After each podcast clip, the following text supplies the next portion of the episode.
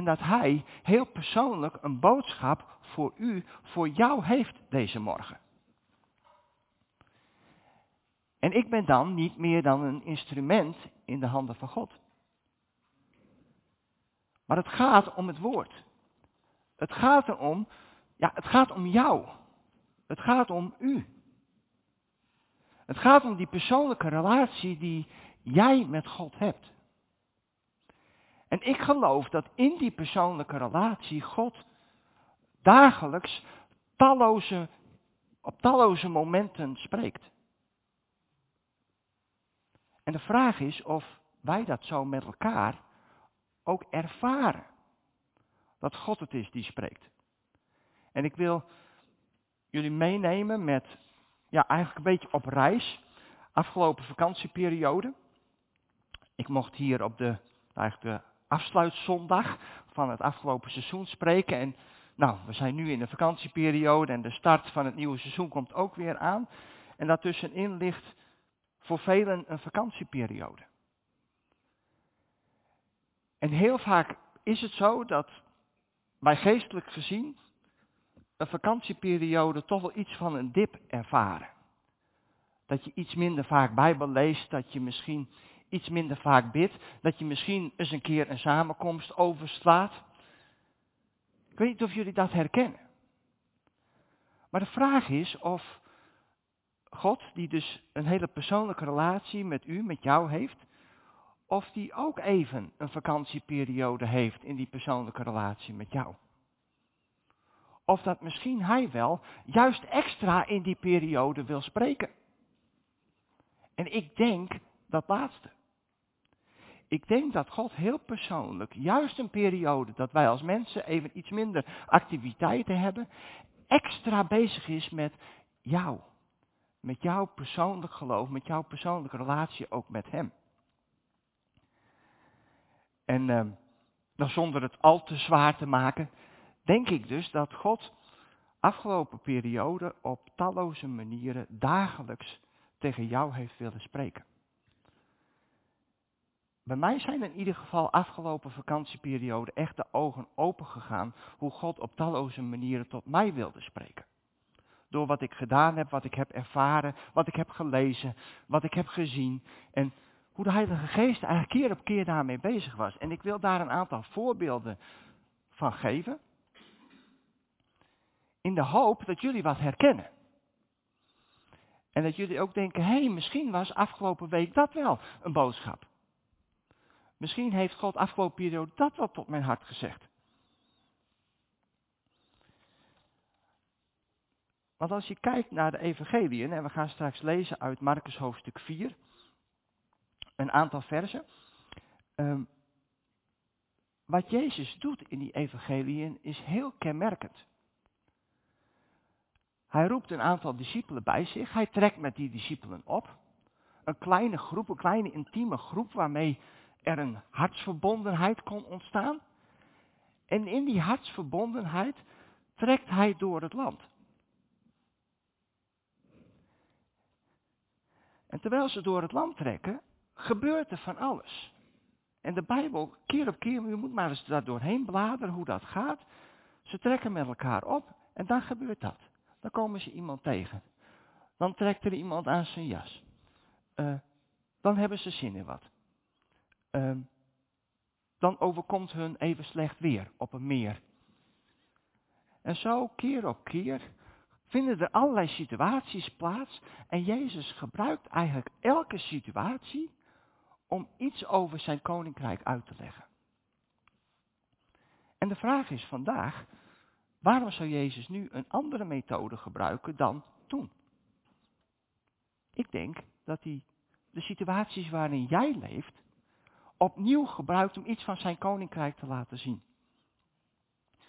Jezus geeft telkens situationeel onderwijs. En laten we maar gaan lezen uit Marcus hoofdstuk 4 en dan de versen 26. Ik denk dat het goed is om tot en met vers 32 te lezen. Maar de focus zal zijn in deze toespraak op de versen 26 tot 29. Um, ehm, En ik kreeg deze tekst eigenlijk door toen we als gezin onderweg waren naar Frankrijk en uh, een goede vakantie hebben gehad daar. Uh, maar op het moment dat je via Luxemburg naar het zuiden rijdt, wat zie je dan om je heen? Als je daar langs rijdt, misschien zijn er een aantal mensen ook vrij recent geweest. Wat zie je om je heen?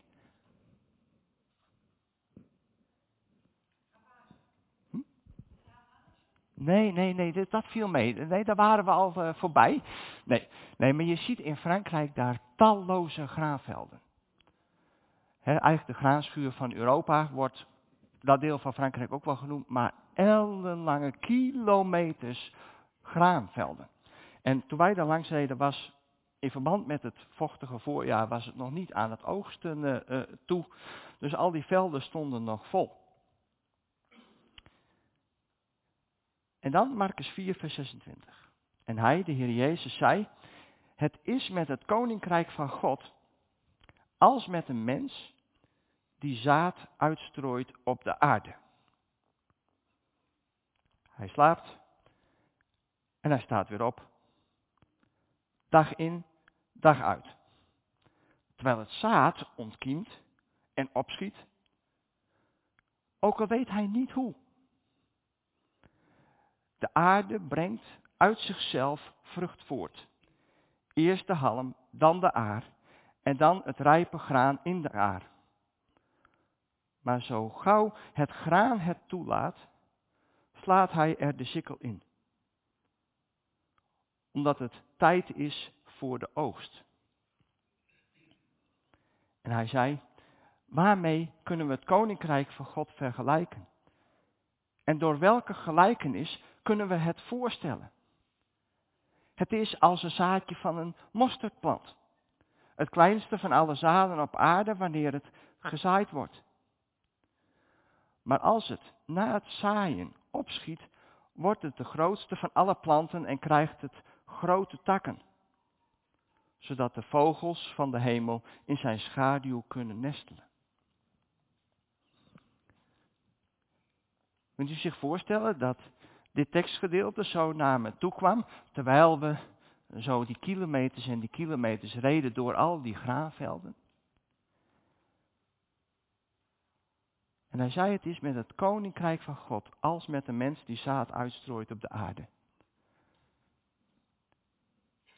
Als er geen boer was geweest die zaad had uitgestrooid op die akkers die wij op vakantie zagen, was er ook geen graan omhoog gekomen.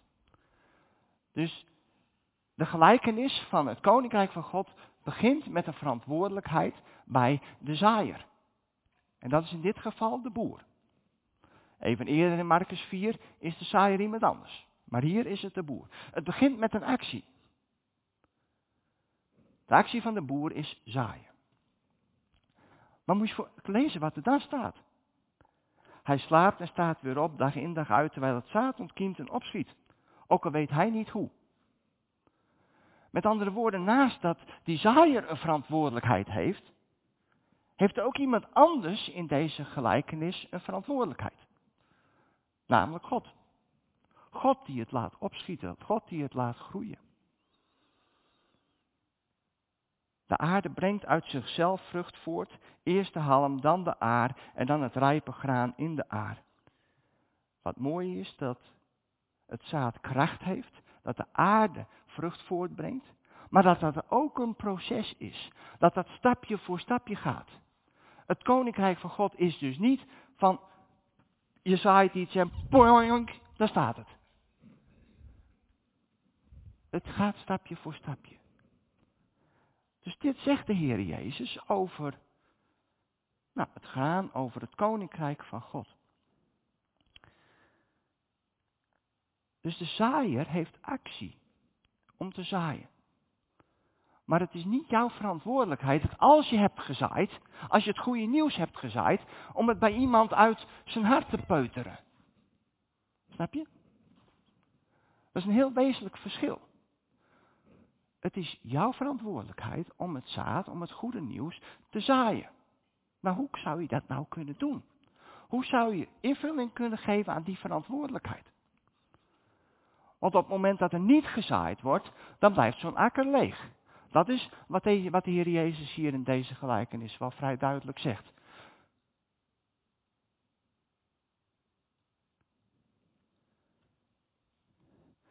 Jij mag vertellen van jouw ervaringen met God. Jij mag het koninkrijk van God laten zien. Wat het in jouw leven bewerkt. En op het moment dat jij weinig beleeft, ja, heb je ook weinig te vertellen. Maar ik denk dat wij talloze dingen per dag beleven met God. En dat we daar ook open en vrij over mogen vertellen. Het tweede wat opvalt, naast die verantwoordelijkheid die je als zaaier hebt en die God heeft om het zaad te laten ontkiemen, is de enorme kracht van het zaad. Ik was er zo van onder de indruk dat als je zo'n zaadje ziet, zo'n graankorrel ziet, en wij zijn op een gegeven moment in die graanvelden gegaan en heb ik even een paar nou geoogst. Als je ziet hoe klein die zaden zijn en wat daaruit komt. En de Bijbel zegt op een andere plek, deel 60 of deels 30, 60, honderdvoudig vrucht draagt het. Moest kijken wat een enorme kracht er in dat zaad zit. En kijk, dat is, nou, pas dat eens toe in je eigen leven. Waar heb jij die ontkiemende kracht van het zaad van God nodig in jouw leven? Is het niet zo dat die ontkiemende kracht, die zo sterk is, dat die eigenlijk het antwoord is op alles wat jij mag meemaken in je leven? De kracht van het zaad is zo enorm groot. Volgende, wat, wat we ook kunnen leren uit deze gelijkenis, is dat de groei eigenlijk automatisch gaat. De boer weet niet hoe het werkt. Het gebeurt automatisch. En mogen we daar ook vertrouwen in hebben in ons leven. Dat als het zaad in ons leven gezaaid is, dat er onvoorstelbare ontkiemkracht zit, maar dat het ook stapje voor stapje groter wordt. Ook al ervaar je dat misschien zelf niet. Als ik nu terugkijk op afgelopen vijf, afgelopen tien jaar, ja, dan zie ik het wel. Maar als ik kijk naar afgelopen week, heb ik dan heel veel van die ontkiemende krachten in mijn leven gezien? Maar ik heb eigenlijk eerder wat anders gezien. Want uh, ons huis komt binnenkort in de verkoop en we mochten foto's maken, omdat ze komende week bij ons gaan ze de riolering vervangen, dus dan is het minder geschikt om foto's te maken. Maar man, wat komt er dan op je af? Je krijgt eerst een instructie van een makelaar over hoe je je huis moet presenteren. Nou, toen wij die paar pagina's lazen en keken naar ons huis, toen zag ik een enorme berg werk. Nou, dat was het ook. Maar het aardige is dat je dan eigenlijk alles gaat opruimen, alles van het plek uh, uh, komt. En op een gegeven moment kwam ik door een paar oude foto's van de middelbare school. En daar zat ergens zat een heel klein ander fotootje tussen die ik wilde bewaren. En ik werd daar wel even emotioneel van toen ik daarmee bezig was. Want het was een foto van mijn gebit voordat ik naar de orthodontist ging. Nou, ik ben geboren met een open lip en een open verhemelte. Dus op het moment dat daar weinig zit, groeit dat ook, nou, op een manier dat je denkt, hé, hey, daar is nog wel wat aan te doen. En, en ik zag die foto van toen ik een jaar of twaalf was en hoe mijn gebit er toen uitzag. Toen ging ik voor de spiegel staan en toen deed ik mijn lip een beetje omhoog, want ik heb een behoorlijke bovenlip, dus dat scheelt. en toen zag ik wat daarvan geworden was. Nou, het is nog niet helemaal perfect. Maar als ik het verschil zie tussen wat het was en hoe het geworden is, dan liet dat zoiets moois zien wat God ook in onze levens doet. En het is goed om af en toe je geestelijke huis ook eens op te ruimen. En te kijken van wat ben je tegengekomen. Waar heb je bijvoorbeeld 10, 15 jaar geleden mee geworsteld en hoe is het nu? En ik merkte bij mezelf toen ik die foto weer zag een enorme dankbaarheid. En het was net alsof God toen daar ook heen zei, Martijn, dat is wat er lichamelijk met jou is gebeurd. Maar kijk eens terug naar wat er geestelijk gebeurd is. Hoe je geestelijk hebt gestreden en hoe je je lessen hebt geleerd en hoe je geestelijk gegroeid bent. En je kunt je voorstellen dat even zo'n blik op die foto van toen ik een jaar of twaalf was. En hoe het nu was, dat dat voor mij zorgde voor een diepe moment van aanbidding van wat God in mijn leven had gedaan. En zo zag ik dus weer even tijdens het opruimen, ja, zo'n opening uit de hemel van iets wat de Heilige Geest heel persoonlijk tegen mij wilde zeggen. Over die ontkiemende kracht van dat zaad. En ik denk dat dat dus niet uniek is voor mij. Dat is er voor ons allemaal. En ik heb bewust ook even die versen 30 tot en met 32 over het mosterdzaadje gelezen. En wat zo opvalt uit dat beeld, is dat eigenlijk in dat ene zaadje zit de potentie van het hele koninkrijk. Moet je dat eens voorstellen. Dat de volheid van de hemel, dat de volheid van Gods scheppende kracht, zoals in Johannes 1 zo prachtig staat, in het begin was het woord en het woord was bij God. En het woord was God. God spreekt en hemel en aarde worden gemaakt. Al die kracht, die scheppingskracht, die herscheppingskracht, zit als het ware in dat ene zaadje. En dat ene zaadje is in jouw leven geplant. En jij mag dat ene zaadje ook weer in andere levens planten. Ik was daar diep van onder de indruk. En Jezus zegt dus, zaai dit goede nieuws. Ga lekker slapen. En wacht wat God gaat doen. En op het moment dat je nog niet genoeg ziet, zaai dan meer. Zaai dan nog meer. Zaai dan op nog andere plekken. En verwonder je over wat God gaat doen. als je verder leest, als Jezus in Marcus hoofdstuk 4 al die principes van het koninkrijk heeft uitgelegd, dan vindt er vanaf vers 35 en ook hoofdstuk 5 vindt er best wel iets bijzonders plaats. Want Jezus heeft die principes van het koninkrijk uitgelegd en vervolgens vinden er allerlei confrontaties plaats tussen geloof en ongeloof. Het begint met het verhaal van de storm op het meer. En dan die bezeten man bij de Gerezenen. En zo gaat dat verder. Op het moment dat Jezus helder is over de e-, enorme potentie van dat zaad, wat dus ook in jouw leven is uitgestort, vindt er eigenlijk direct een confrontatie plaats tussen geloof aan de ene kant en ongeloof aan de andere kant.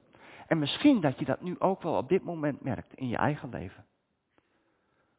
Dat als je onder de indruk bent van die enorme ontkiemende kracht van Gods zaad in jouw leven, dat je misschien al denkt, maar.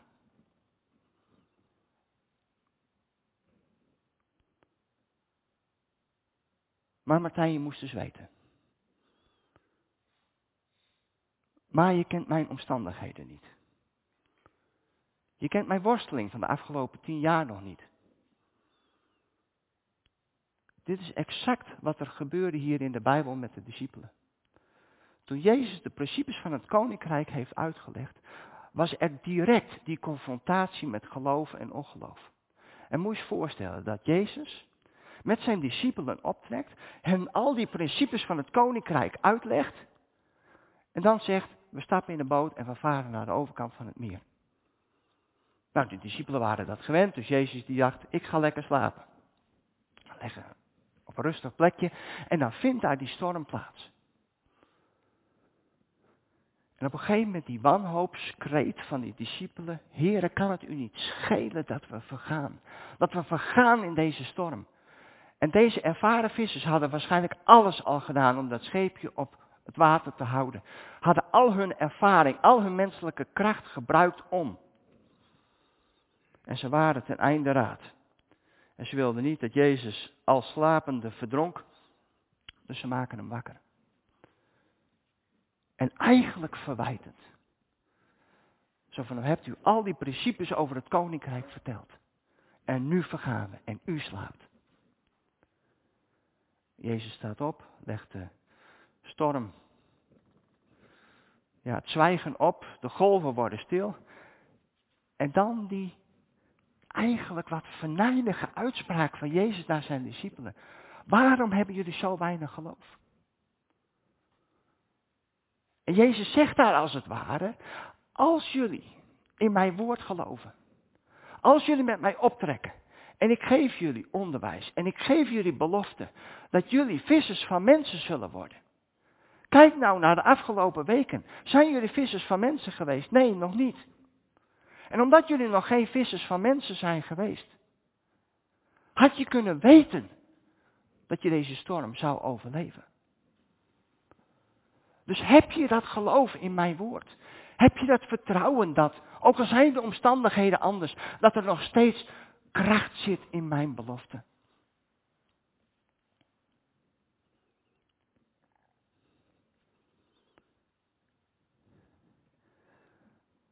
Toen we op vakantie waren, had ik nog zo'n ervaring. Um, ik heb een paar tieners in huis. En die houden wel wat van wat avontuur en wat uitdaging. We waren in de buurt van Annecy. En Annecy is ongeveer de hoofdstad van de wereld van uh, dat parapenten van, uh, met zo'n parachute van de berg afspringen.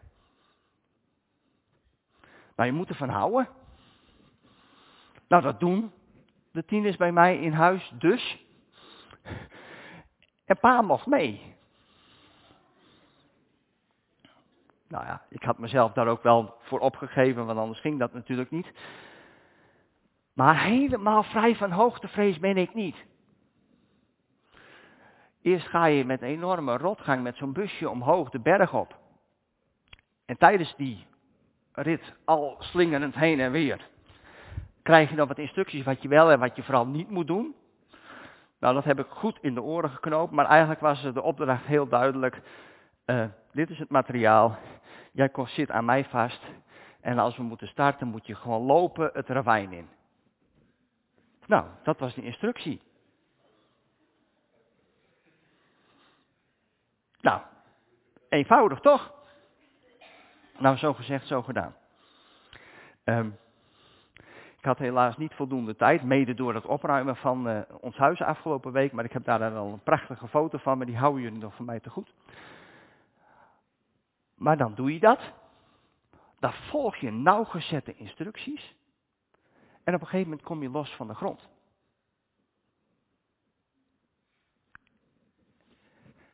En toen vond er bij mij dus die, die confrontatie tussen geloof aan de ene kant en ongeloof aan de andere kant plaats. Je hoeft maar twee kanten op te kijken. Als je naar beneden kijkt, dan komt mijn hart omhoog. Maar kijk ik omhoog naar die parachute en naar die draden waarin we heel rustig zweefden daar door de lucht, was er niks aan de hand. En is het ook niet zo in ons leven? Het was net alsof de Heilige Geest dat op dat moment ook tegen mij zei. Martijn, waar stel je je vertrouwen in? Op de hoogte die je boven de grond zweeft? Of in die parachute, die enorme, krachtige touwen die daar aanhangen en die al talloze mensen hebben gered? Waar wil je naar kijken? Nou, het antwoord was duidelijk en het feit dat ik hier sta zegt ook genoeg. Het is goed gegaan. Maar dit was een hele mooie les voor mij om te ervaren. Er zat ook een les in dat ik met mijn God over de muur zou springen. Ik had dit uit mezelf nooit gedaan. Maar het is gebeurd en ik ben een hele ervaring rijker. En eigenlijk heb ik zoiets, ik wil nog een keer. Want ik wil nog een keer die ervaring hebben om ja, zo vol vertrouwen als het ware te gaan en te genieten van Gods prachtige schepping. Nou, nog een laatste ervaring en dan mogen jullie, wat mij betreft. Uh, we waren dus in de bergen. En op een gegeven moment een hele bergwandeling gemaakt. Over hele smalle paadjes. Nou, welk verhaal komt je dan te binnen? Als je daarmee bezig bent en je hebt even tijd, anderhalf, twee uur om zo'n, over zo'n smal paadje te lopen. Kijk eens. Zo eenvoudig is het dus. Matthäus hoofdstuk 7. Staat dat.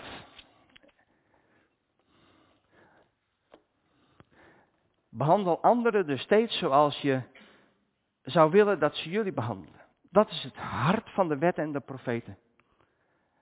En dan Matthäus 7, vers 13. Ga door de nauwe poort naar binnen.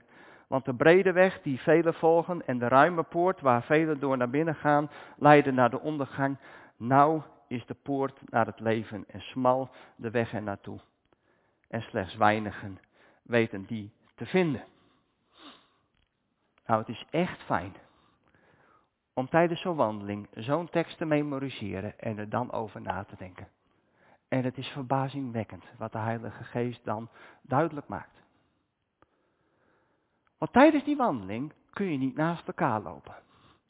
Je moet één voor één, moet je die stappen zetten. En soms moet je een stukje klimmen.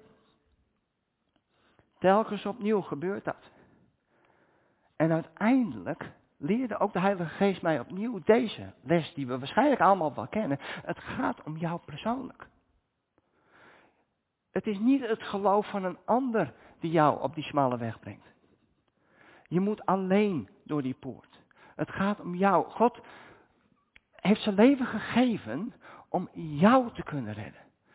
Ook om een heleboel anderen te redden, maar het gaat God zo specifiek om jou. Op het moment dat je dan die smalle weg omhoog gaat, is dat ook een weg van inspanning. Het is niet zomaar even een wandelingetje waar je al fluitend langskomt. Wil je iets bereiken? Vraag dat inspanning, kost dat zweet, kost dat, ja, ja, vraagt dat inspanning. En geestelijke groei vraagt ook inspanning. Je ontvangt als gelovige ontzettend veel. Maar het toepassen, je toe-eigenen, vraagt inspanning.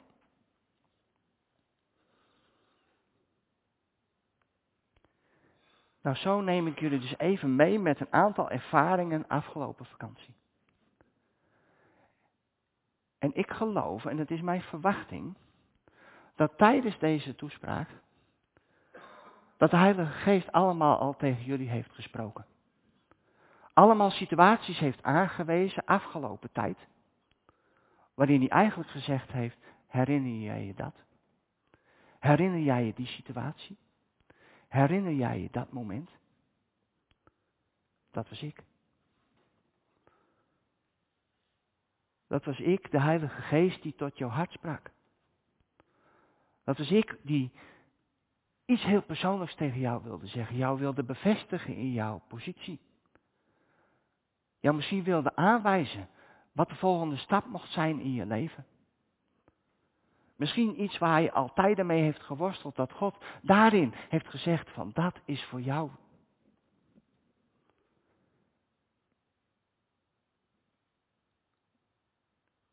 En op het moment dat we dan opnieuw Marcus hoofdstuk 4 lezen. Het is met het koninkrijk van God als met een mens die zaad uitstrooit op de aarde. Hij slaapt, staat weer op, dag in dag uit, terwijl het zaad ontkiemt en opschiet, ook al weet hij niet hoe. De aarde brengt uit zichzelf vrucht voort. Eerst de halm, dan de aar en dan het rijpe graan in de aar. Die ontkiemende kracht zit er in het woord van God voor jouw leven. En de vraag is, wil jij die akker zijn? Wil jij het in jouw leven laten gebeuren? Dat God tot je hart spreekt. Jou dagelijks leidt. Jou dagelijks wijst de weg die je mag gaan. Of je nu jong bent of wat ouder. God is echt geïnteresseerd in jou. Hij wil met jou leven. En jou de weg wijzen die je mag gaan. Ik wil graag een moment stil zijn en in dat moment van stil gebed mag je gewoon reageren op wat de Heilige Geest tot je hart zegt. Zullen we dat doen? Heer God, dank u wel voor dit moment. Dank u wel voor uw woorden.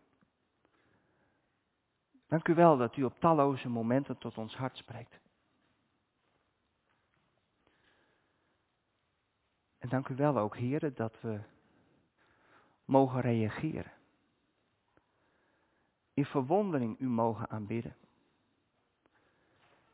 En heren, we willen een moment stil zijn.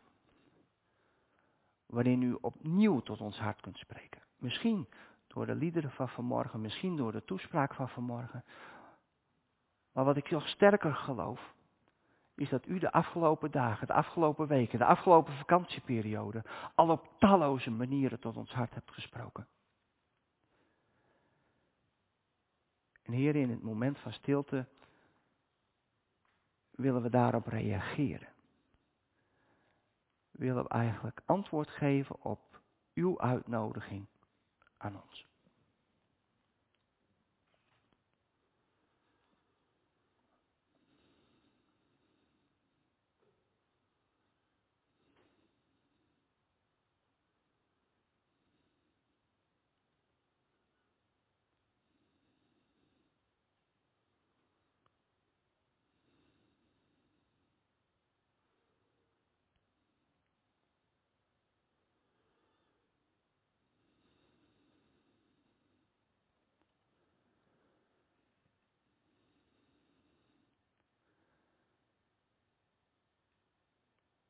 Dank u wel, Vader in hemel. Dank u wel, Heer Jezus. Dank u wel, Heilige Geest, dat u onze reactie hoort. En Heer, ik bid dat die ontkiemende kracht van het zaad, dat dat in al zijn volheid zichtbaar mag worden in onze levens.